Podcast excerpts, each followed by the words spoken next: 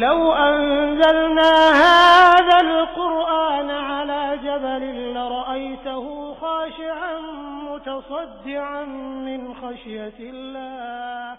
لأن لله قلبه فألان الله الصخر تحت قدميه أن يكون للقرآن أثر في قلبه. أي دون النبيين وفوق غيرها من مع القرآن نحيا في سلام فخير الوقت في خير الكلام. تعالوا ساعة نؤمن جميعا لنيل الأجر في دار السلام. الحمد لله وحده والصلاة والسلام على من لا نبي بعده. وبعد فهذه أولى الوقفات الثلاث مع الجزء الواحد والعشرين من كلام الله. ونستفتح بفاتحة سورة الروم. قال الله جل وعلا ألف لام ميم. غلبت الروم في أدنى الأرض وهم من بعد غلبهم سيغلبون في بضع سنين. لله الأمر من قبل ومن بعد ويومئذ يفرح المؤمنون بنصر الله ينصر من يشاء وهو العزيز الرحيم. وعد الله لا يخلف الله وعده ولكن أكثر الناس لا يعلمون. أما الحروف المتقطعة فقد مضى القول فيها. والروم هم من نسل العيس ابن إسحاق أخي يعقوب. وكذلك فارس من نسل نبي الله نوح من أحد أربعة أبنائه أحد أبنائه الثلاثة الذين نجوا. كانت هاتان الدولتان ظاهرتين وكان بينهما صراع. كأي قوتين في العالم عبر التاريخ. لكن الفرس لم يكونوا أهل كتاب. وكانت الروم أهل كتاب. فكان تعاطف المشركين في مكة مع الفرس أعظم من تعاطفهم مع مع الروم. فوقعت حرب بينهما والمسلمون في مكة. فغلبت فيها الروم. كما قال الله ألف لام ميم غلبت الروم. غلبت ممن؟ من فارس. فلما غلبت من فارس كان أهل الإشراك يقولون للصحابة هؤلاء أصحابنا. أي فارس لأنهم غير أهل كتاب مثلهم. غلبوا أصحابكم لأن المؤمنين أهل كتاب والروم أهل أهل كتاب.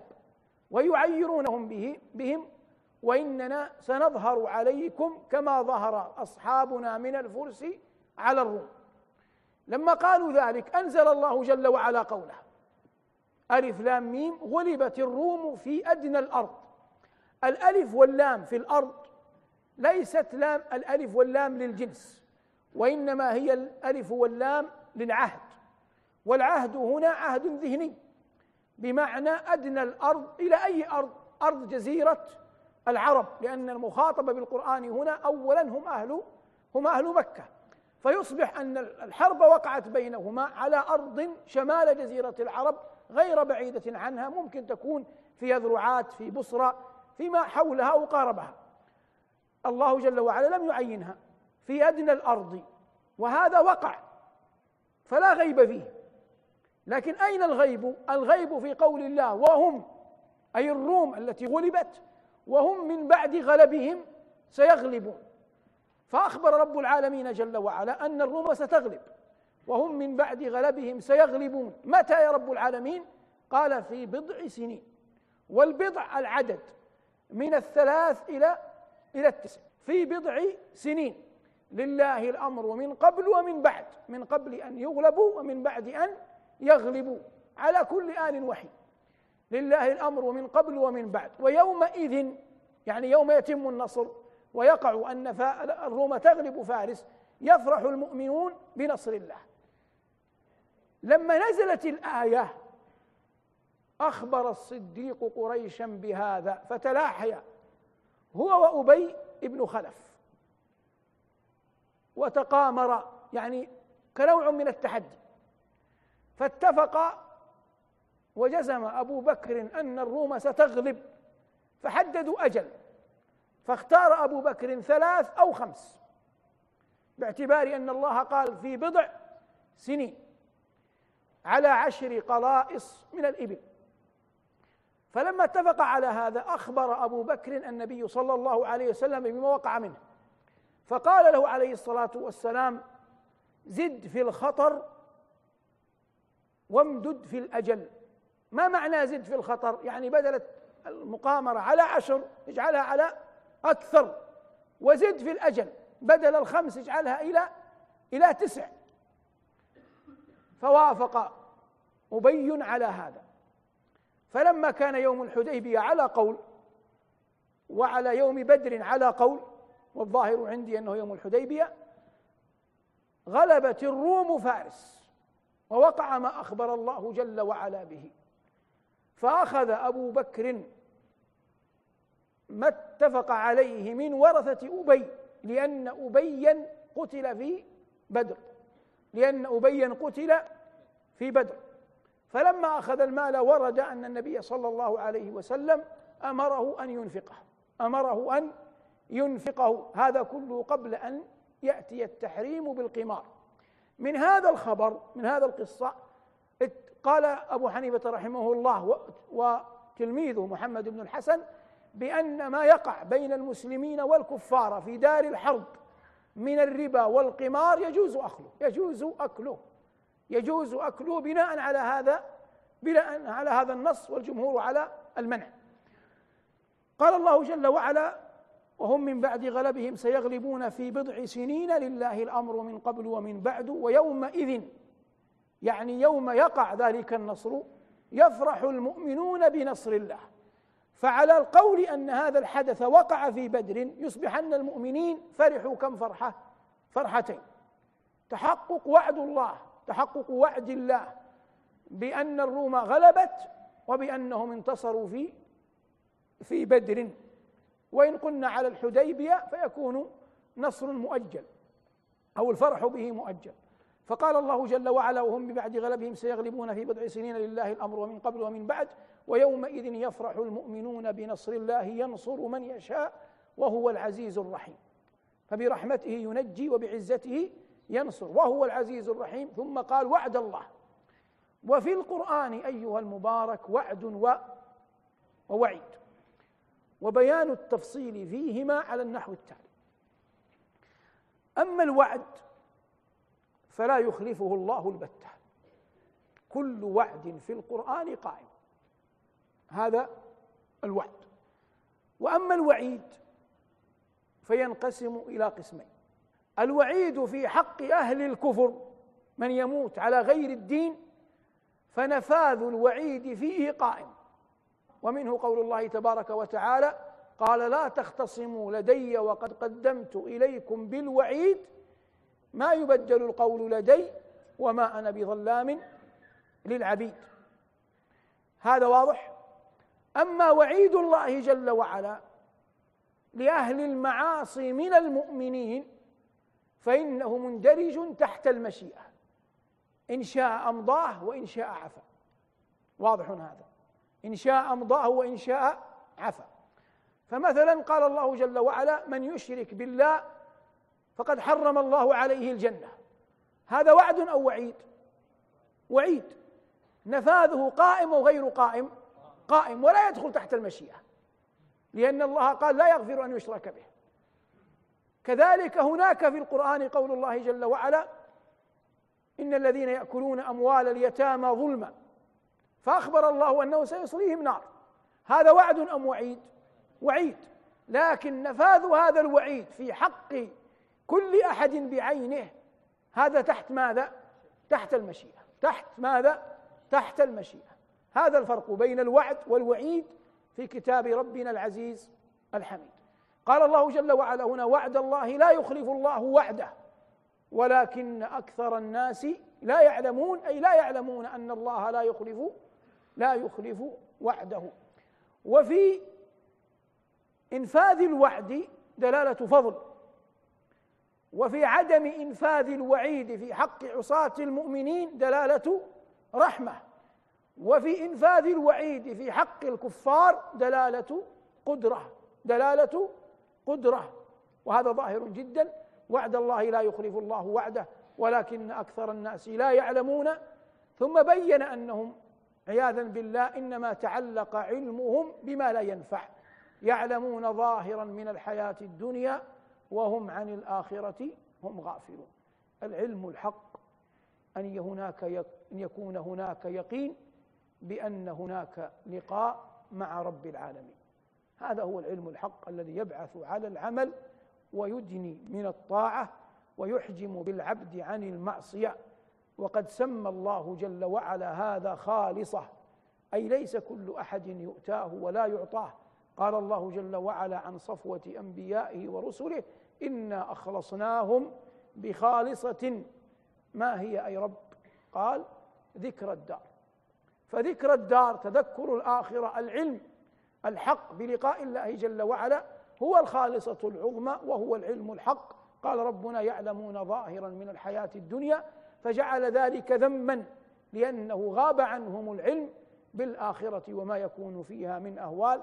يسرها الله علي وعليكم. وهذه الوقفة الأولى من الجزء العشرين وننتقل بعدها إن شاء الله إلى الوقفة الثانية.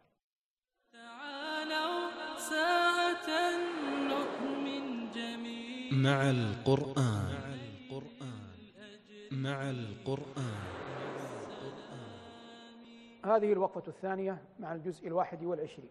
قال ربنا جل وعلا فآتي ذا القربى حقه والمسكين وابن السبيل. ذلك خير للذين يريدون وجه الله وأولئك هم المفلحون. إلى ما بعدهن من الآيات. الأمر هنا في مجمله أمر ندب.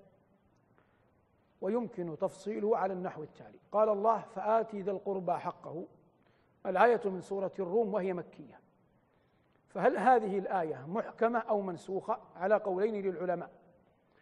فمن قال إنها منسوخة في قوله جل وعلا فآتي ذا القربى حقه قال إنها منسوخة بآية المواريث. والذي يظهر أن الأمر هنا صعب أن يقال إنه منسوخ بالكلية ولكنه للندب. وليس ولا يعني ذلك أن يكون حق أولي القربى مقصورا على على المال. فآتي ذا القربى حقه ثم ثنى قال والمسكين. ومر معنا أن السكين تسمى سكين لأنه تسكن بها روح من تذبح به. فالمسكين قلة ما في يده يجعله قليل الحركة فلا عمل إليه يذهبه. ولا متجر لديه يفتحه ثم ثلث جل وعلا بابن السبيل وهو المسافر. والعرب جرى في أسلوب كلامها أحيانا أنها تنسب الشيء إضافة إلى غيره. فإذا قالوا ابن السبيل فإذا قالوا ابن السبيل يقصدون المسافر. وإذا قالوا بنات الدهر يقصدون المصائب. قال المتنبي رماني الدهر بالأرزاء حتى فؤادي في غطاء من نبالي لكن ليس هذا الشاهد. الشاهد لما جاءته الحمى قال أبنت الدهر عندي كل بنت فكيف فررت أنت من الزحام؟ يقول للحمى كيف وصلت إلى جسدي وأنا متخم ببنات الدهر؟ يعني بمصائب الدهر.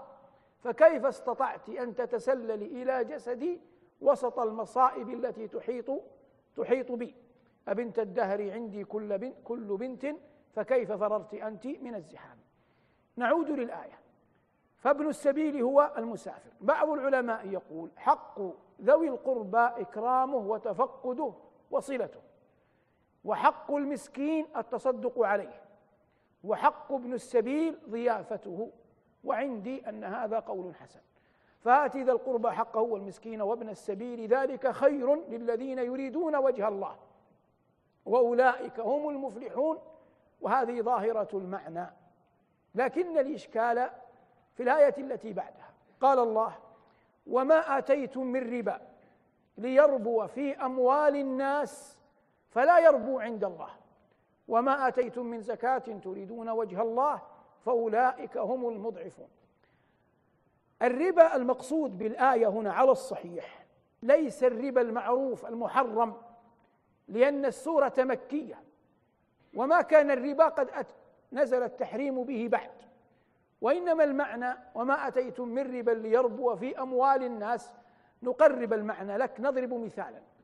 شخص ما سمع أن أميرا من الأمراء زار البلدة فقال أريد أن أكرمه. فذهب وهو على حال وسط. فدعاه وألح وأطعمه. هو لم يفعل ذلك ابتغاء وجه الله. وإنما فعل ذلك لينتفع من عطاء من عطاء الأمير. فهذا من حيث الجواز جائز لكن لا ثواب عليه. من حق الإنسان أحيانا كل بحسبه الناس يختلفون.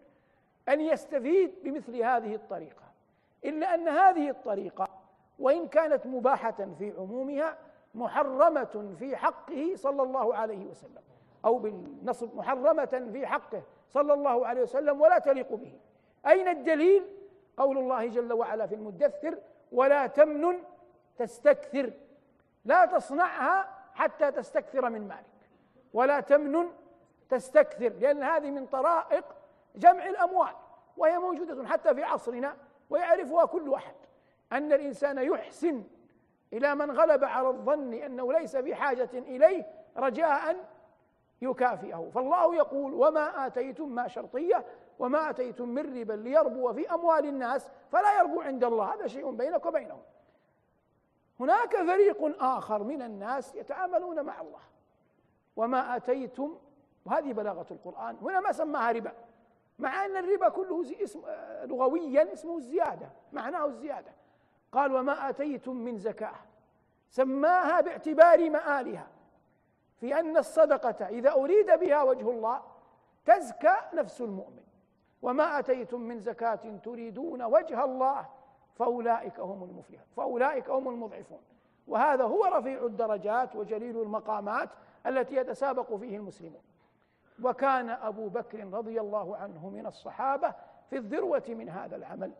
وهذا من معاني قول الله جل وعلا إنما نطعمكم لوجه الله لا نريد منكم جزاء ولا شكورا اننا نخاف من ربنا يوما عبوسا قمطريرا فوقاهم الله شر ذلك اليوم ولقاهم نظرة وسرورا. قال ربنا وما آتيتم من زكاة تريدون وجه الله فأولئك هم المضعفون. ثم قال تبارك وتعالى الله الذي خلقكم ثم رزقكم ثم يميتكم ثم يحييكم. هل من شركائكم من يفعل من ذلكم من شيء؟ سبحانه وتعالى عما يشركون. الخطاب لقوم مشركين يعبدون مع الله غيره ويشركون معه سواه. فأقام الله الحجة عليهم وهو أصدق القائلين بقوله الله الذي أي الله المستحق بالعبادة علم على لفظ الجلالة لم يسمى به أحد غيره الله الذي خلقكم فلا خالق لكم إلا هو. ثم رزقكم فلا رازق لكم إلا هو. ثم يميتكم ولا أحد يقدر على الإفناء إلا هو. ثم يحييكم ولا أحد يقدر على البعث والنشور إلا هو. الله الذي خلقكم ثم رزقكم ثم يميتكم ثم يحييكم. ثم وبخهم فقال هل؟ سؤال توبيخ هل من شركائكم؟ من يفعل من ذلكم من شيء. من ذلكم من شيء ولو شيئا واحدا من هذه الأربعة. عرفنا بهذه الآية أنه لا أحد يخلق إلا الله ولا أحد يرزق إلا الله ولا أحد يميت إلا الله ولا أحد يحيي إلا الله. وهذه من الآيات الجوامع في القرآن. هل من شركائكم من يفعل من ذلكم من شيء؟ ما تركهم الله يجيب.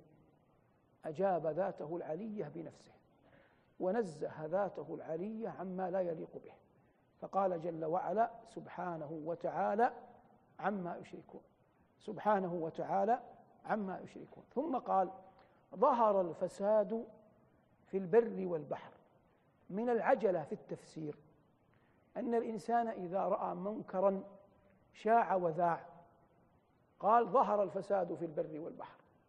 فسمى هذا المنكر فسادا وليس هذا مراد الآية. البتة. معنى قول الله جل وعلا ظهر الفساد في البحر في البر والبحر. الله في أول الأمر سخر لبني آدم ما في البر وما في وما في البحر. يطعمونه ويرزقون منه. معنى دب الفساد إلى هذا لم يعد بنو آدم ينتفعون بشيء مما في البحر أو مما في البر. وأنت ترى في عصرنا هذا الدواب حمى الوادي المتصدع والطيور جاءت بالأمر المعروف. وما في البحر من السمك تغرق سفينة فلا ينتفع الناس بالسمك. ثم الزرع جاء الرش الكيمائي فأفسد على الناس زرعهم. هذا كله يسمى يسمى فساد. ولهذا أنت إذا اشتريت شيئا من المتجر تقرأ تاريخه. فعندما تقرأ أن تاريخه إلى حد معين معنى ذلك أن الفساد دب دب إليه فلم يعد ينتفع به. هذا معنى ظهر الفساد في البر والبحر. يبقى السؤال لما ظهر الفساد في البر والبحر؟ بما كسبت أيدي الناس أي بسبب الذنوب؟ أي بسبب الذنوب؟ فكلما عظم الذنب وشاع عظم الفساد وشاع كما هو مشاهد في عصرنا. بما كسبت أيدي الناس ثم قال أصدق القائلين ليذيقهم بعض ما كسبوا. بعض ما كسبوا المعنى أن الله رحيم. هذا ببعض ما كسبوا. كيف لو أراد الله أن يذيقهم؟ بكل ما بكل ما كسبوا. لما أظهرت يا ربنا الفساد في البر والبحر؟ حتى يرى الفساد في البر والبحر وعدم الانتفاع بهذا من يعرفك فيرجع إليك. قال ربنا في خاتمة الآية لعلهم لعلهم يرجعون. والآيات إذا وقعت كالزلازل وهي فساد في التربة أو ما وقع كما بيناه آنفا من فساد ها هنا وهناك يقرأه المؤمن فيعلم أن المنكر إذا شاع ظهر الفساد فيؤوب إلى ربه ويرجع إلى ويرجع إلى خالقه. ويستغفر الله جل وعلا مما وقع ويبدأ في نشر المعروف حتى لا يهلك الناس. وأما والعياذ بالله من طبع الله على قلبه ولم يرفع بذلك رأسا ولم يعرفه فبقي على حاله. والله يقول وما نرسل بالآيات إلا تخويفا فمن تخويف الله جل وعلا لعباده أن يظهر الفساد في البر والبحر فما سخره الله جل وعلا لخلقه أصلا يقل الانتفاع به وكل ذلك بسبب الذنوب. ومعلوم أنه ما حمل شيء على الظهر أعظم من الذنب مما خطيئاتهم أغرقوا فأدخلوا نارا فلم يجدوا لهم من دون الله أنصارا. هذه الوقفة الثانية مع الجزء الواحد والعشرين. تعالوا ساعة نؤمن جميعا. مع القرآن. مع القرآن. الوقفة الثالثة من الجزء الواحد والعشرين عند قول الله جل وعلا إن الله عنده علم الساعة وينزل الغيث ويعلم ما في الأرحام وما تدري نفس ماذا تكسب غدا وما تدري نفس بأي أرض تموت. هذا من المفصل لما أجمل في القرآن. قال الله جل وعلا في سورة الأنعام وعنده مفاتح الغيب. وقال هنا إن الله عنده علم الساعة. والربط بين الآيتين في السورتين ما أخرجه الإمام أحمد رحمه الله في المسند. قال حدثنا وكيع حدثنا سفيان عن عبد الله بن دينار عن ابن عمر أن رسول الله صلى الله عليه وسلم قال مفاتح الغيب خمس لا يعلمهن إلا الله. إن الله عنده علم الساعة وينزل الغيث ويعلم ما في الأرحام وما تدري نفس ماذا تكسب غدا وما تدري نفس بأي أرض تموت. إن الله عليم خبير. وبيان ذلك على ما يأتي. إن الله عنده علم الساعة تقديم الجار والمجرور الظرف دل على الحصر. أي لا أحد يعلم الساعة إلا هو. وجبرائيل جلس عند النبي صلى الله عليه وسلم فقال وهو يضع يديه على فخذيه أخبرني عن الساعة. قال ما المسؤول عنها بأعلم من السائل؟ أي أن علمي وعلمك فيها سواء. وفي قوله جل وعلا يسألونك عن الساعة أيان مرساها؟ قل إنما علمها عند ربي لا يجليها لوقتها إلا هو. ثقلت في السماوات والأرض لا تأتي لا تأتيكم إلا بغتة يسألونك كأنك حفي عنها قل إنما علمها عند الله ولكن أكثر الناس لا يعلمون. هذه الساعة متى تقع؟ لا يعلمه إلا الله. لكن جعل الله لها أشراطا جعل الله لها علامات. قال ربنا فقد جاء أشراطها بعثته صلى الله عليه وسلم من علامات قربها فتح بيت المقدس إلى غير ذلك مما توارى مما توالى وسيأتي بعد. فهذا معنى قول الله إن الله عنده علم الساعة لكن الساعة لا تكون إلا يوم جمعة ولهذا ما من دابة إلا وهي مصيخة يوم الجمعة تخشى قيام الساعة. إن الله عنده علم الساعة وينزل الغيث الغيث المطر وإذا قيل الغيث يحمل على الرحمة اتفاقا وإذا قيل المطر يحتمل الاثنين الغيث والهلاك. وينزل الغيث هذا كذلك مما اختص الله بعلمه. فليس لمن برز في هذا الشأن من علماء الأرصاد إلا تلمس وتحسس أخبار وإلا وقت نزوله قطعا لا يعلمه إلا الله. وقد سمى الله جل وعلا الغيث في كتابه رحمة. قال جل وعلا فانظر إلى آثار رحمة الله كيف يحيي الأرض بعد موتها. وقد ثبت أنه صلى الله عليه وسلم كان يخطب فدخل عليه رجل وأخبره بجدب الديار وقلة الأمطار وقال يا رسول الله استسق لنا. فرفع صلى الله عليه وسلم يديه واستسقى. اللهم أسقنا اللهم أسقنا. فما أن أنزل يديه حتى أظلتهم سحابة ثم إنها أمطرت. فمكث الناس على هذا سبتا أي أسبوعا. فلما رقى المنبر في الجمعة التي بعدها دخل رجل قيل هو وقيل غيره. فقال يا رسول الله يذكر آثار السيول. وكيف أن السيول قطعت الطرائق بين الناس. فقال صلى فقال يا رسول الله أدعو الله أن يمسكها عنا. فعلم صلى الله عليه وسلم أن الغيث رحمة وليس من الأدب مع الله أن يقول لله أمسك عنا رحمتك. فقال صلى الله عليه وسلم اللهم حوالينا ولا علينا اللهم على الأكام والضراب وبطون الأودية ومنابت الشجر. وأصبح يشير بيده ميمنة وميسرة وشرقا وغربا. قال أنس راوي الحديث فوالله ما أشار إلى جهة إلا اتجه السحاب إليها. شاهد منه أنه سمى الغيث رحمة. فانظر إلى آثار رحمة الله. وينزل الغيث. ثم قال ربنا ويعلم جل ذكره ما في الأرحام. ما هذه؟ موصولة نكرة مبهمة تفيد العموم. لا تتعلق بشيء واحد. ربنا يعلم إن كان ذكرا أو أنثى.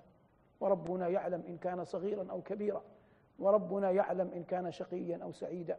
وربنا يعلم هل يولد حيا أو يولد ميتا. وربنا يعلم هل يولد تماما أو يولد خداجا.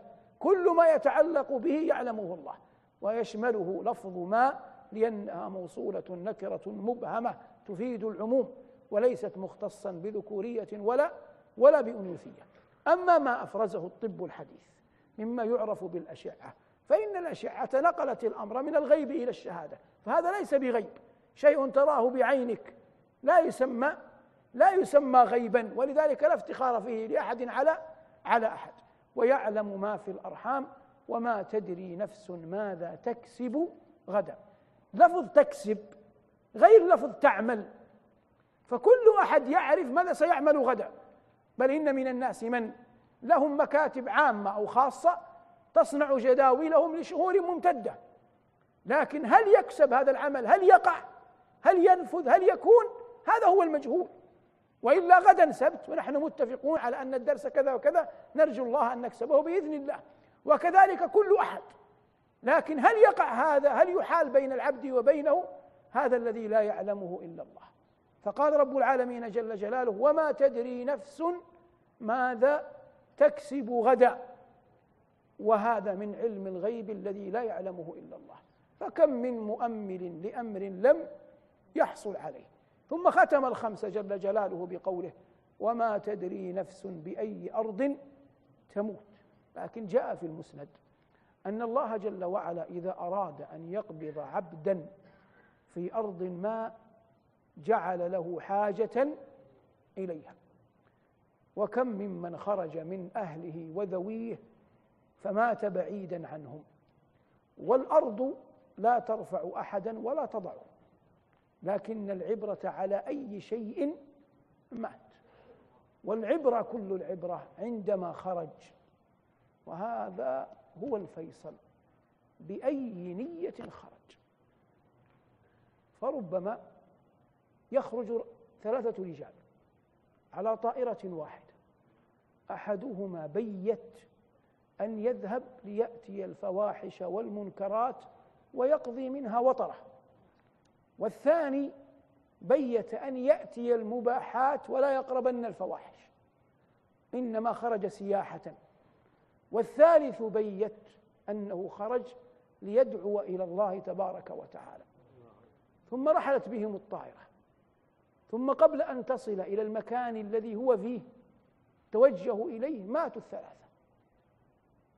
فالناس يقولون يحكمون جعلا على الطائرة كلها. فهؤلاء متجاور المقاعد لكن نياتهم تباينت. والعبرة لا بالأجساد ولا بالبلدة التي خرجوا منها ولا بالبلدة التي خرجوا إليها العبرة بالنية.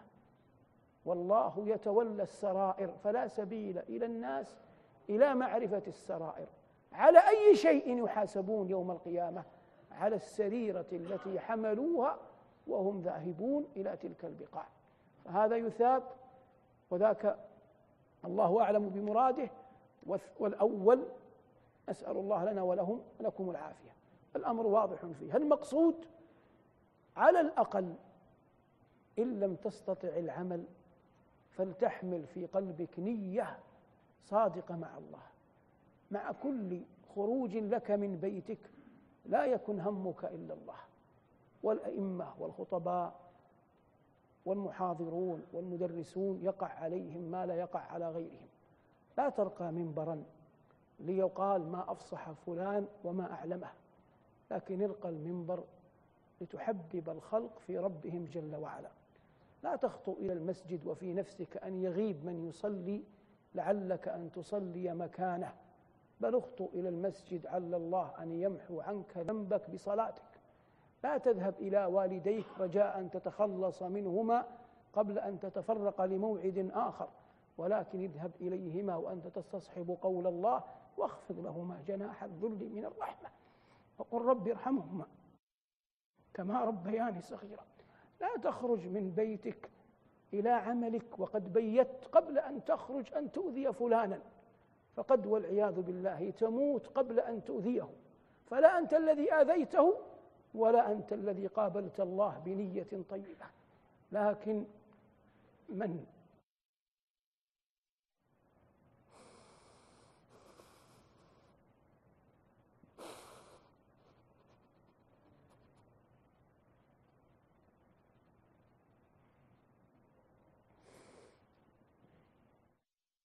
من عرف الله حقا.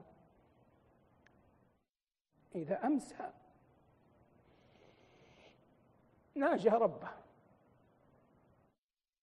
لا يتولاه أحد إلا الله.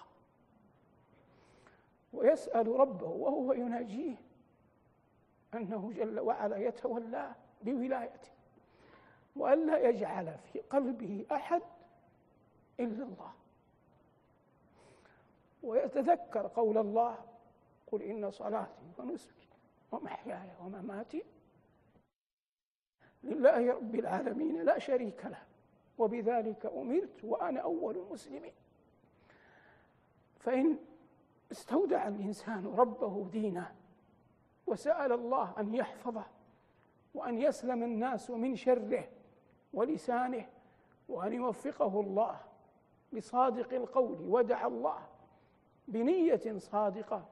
فالله أجل وأكرم من أن يضيع من لجأ إليه. أما أن يصبح الإنسان وقد ملي قلبه أشرا وبطرا وحقدا وحسدا من نزغات الشيطان على ولاة المسلمين أو على علمائهم أو على عامتهم أو على خاصتهم أو على تجارهم. فيقضي يومه كله عياذا بالله دون أن يستقر قلبه.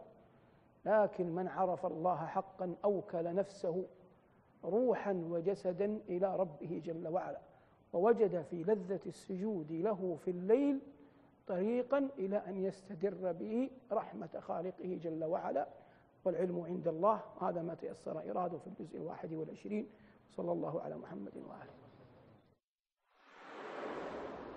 مع القرآن نحيا في سلام فخير الوقت في خير الكلام بتفسير وأخبار حسان عن المختار نبراس الظلام مع القرآن إحساس تسامت به الأرواح في أعلى مقام.